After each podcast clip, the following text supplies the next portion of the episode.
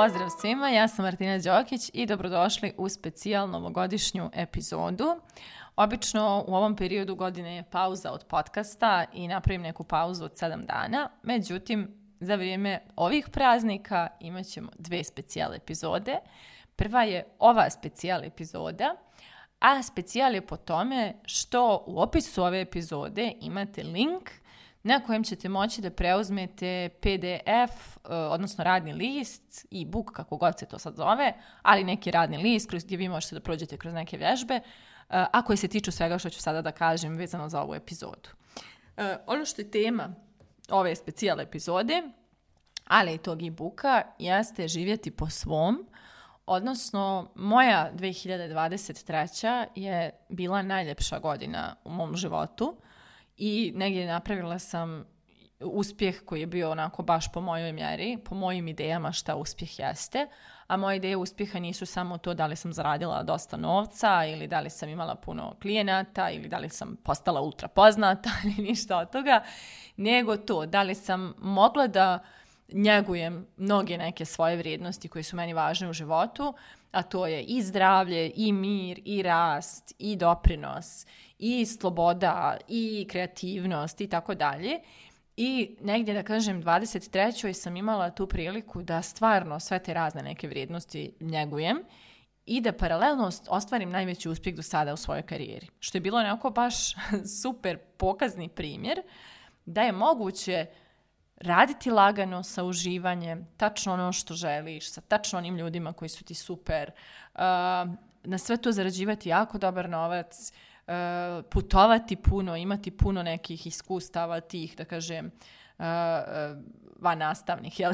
ići na neke razne događaje, koncerte, dijelove svijeta.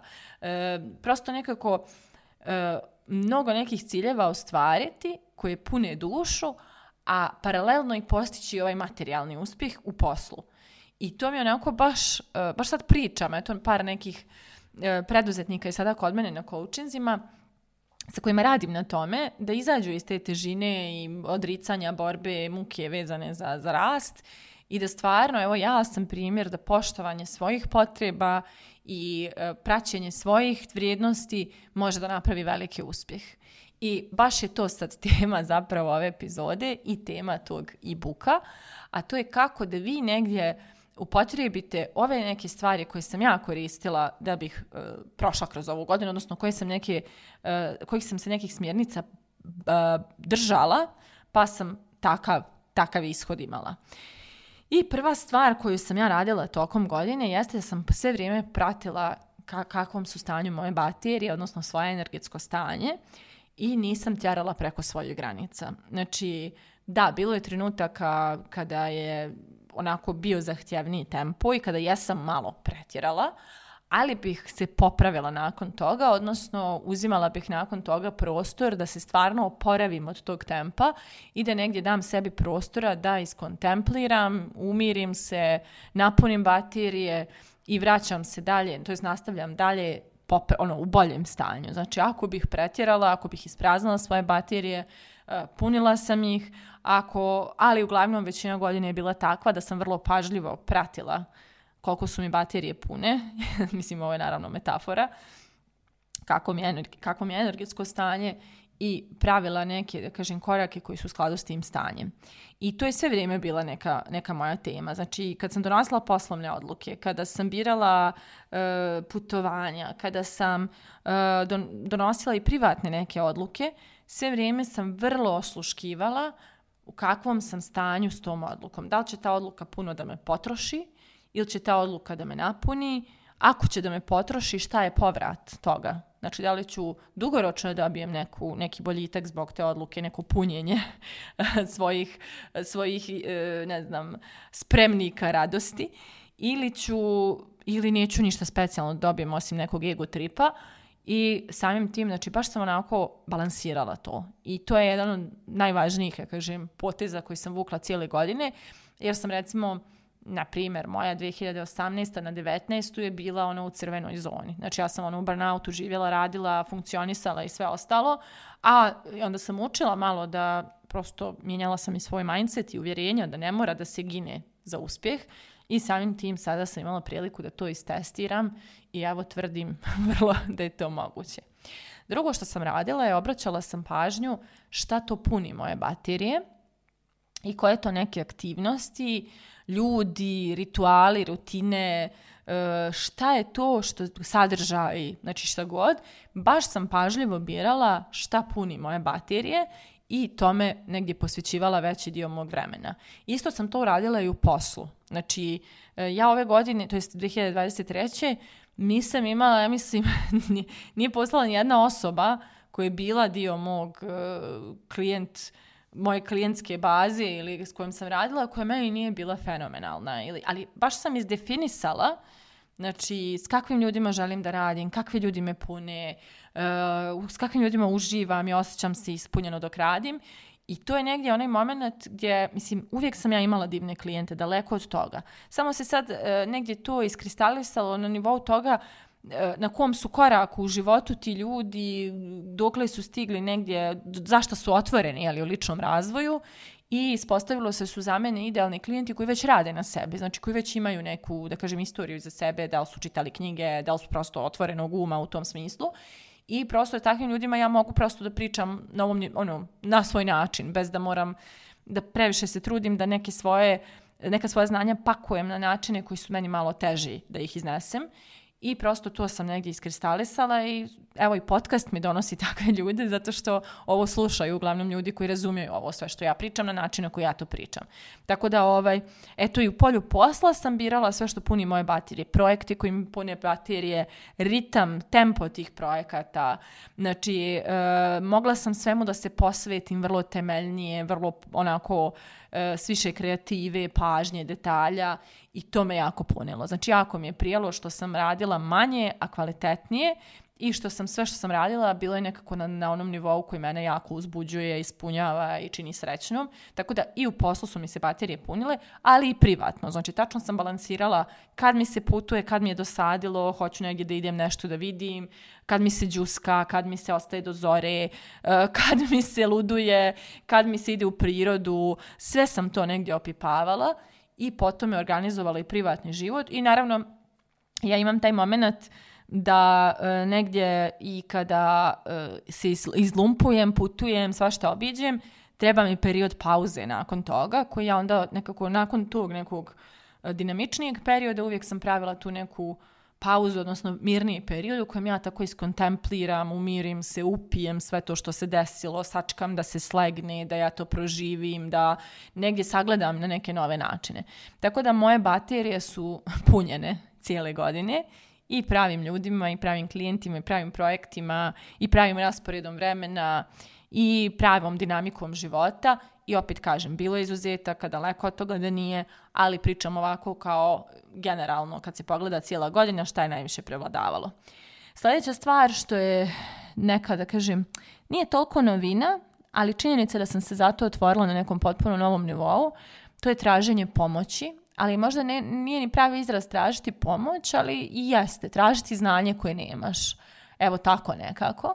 Jer mislim da sam ove godine najotvorenija bila za učenje, kad, je na, kad su na, pitanju, na primjer u pitanju neke biznis stvari.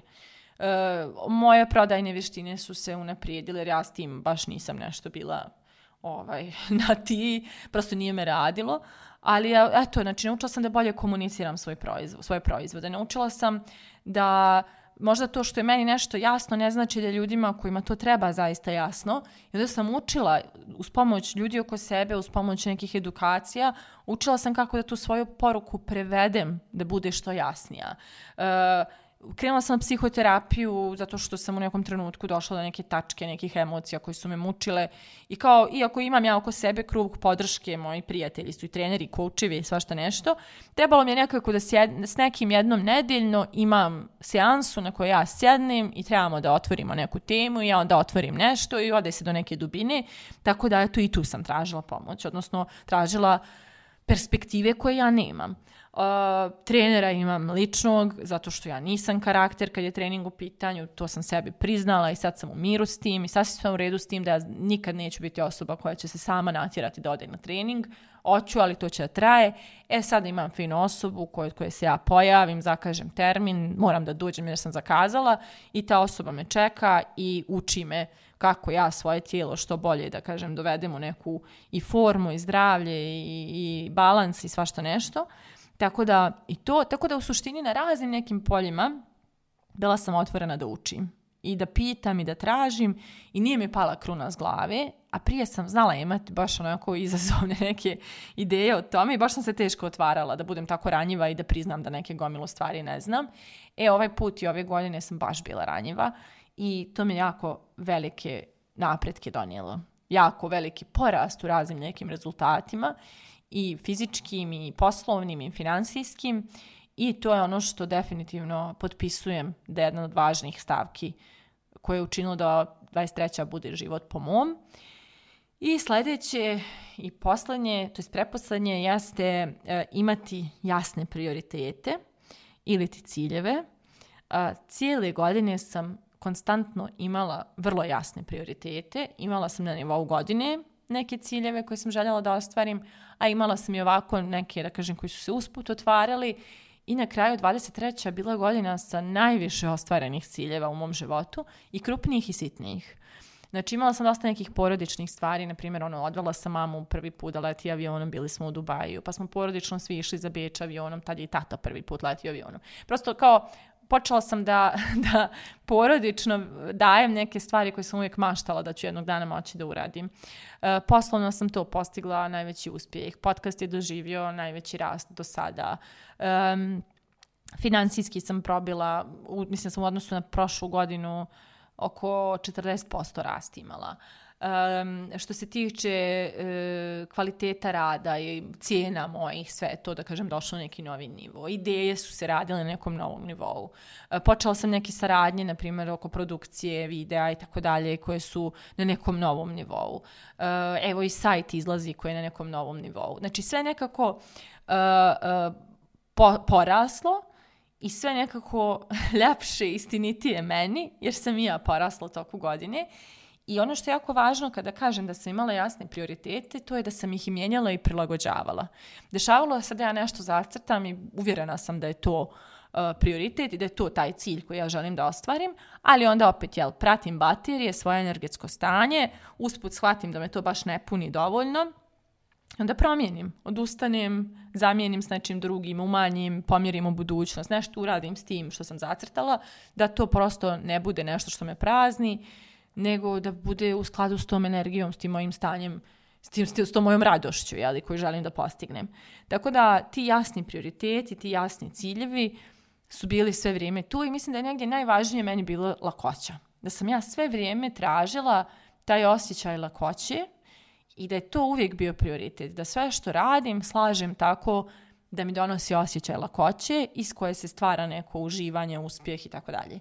Tako da, eto tako, to su neke, da kažem, stavke i poslednja koju nisam stavila kao na listu, ali se evo javlja mi se dok pričam sve ovo, prisutnost. Jako sam bila prisutna, gdje god sam bila, bila sam 100%. Ako sam na nekom koncertu, ja sam srcem i dušom na tom koncertu, meni je to najbolji koncert na svijetu.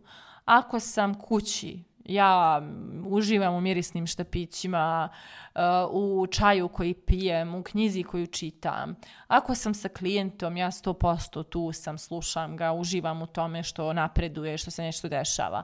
Ako držim modul, ja upijam svaki pomak svih ljudi u grupi, uh, svako pitanje koje dobijem, svaku stvar koju kažem. Znači, stvarno sam bila onako, tu sam gdje sam. Nije nekako u pozadini verglalo ništa u mojoj glavi, ali nije zato što sam bila u dobrom stanju, jel? zato što moje baterije su pune i onda nema, nema drame. Tako da, eto ta prisutnost i da kažem možda poslednja stavka.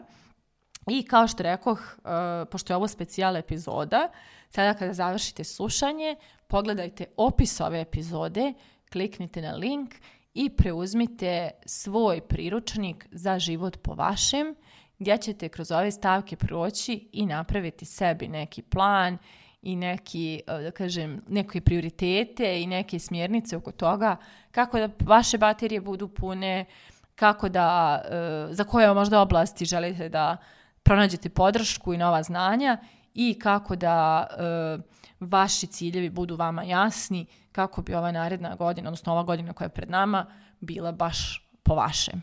Tako da, klik na link i vi čujemo se u narednoj epizodi.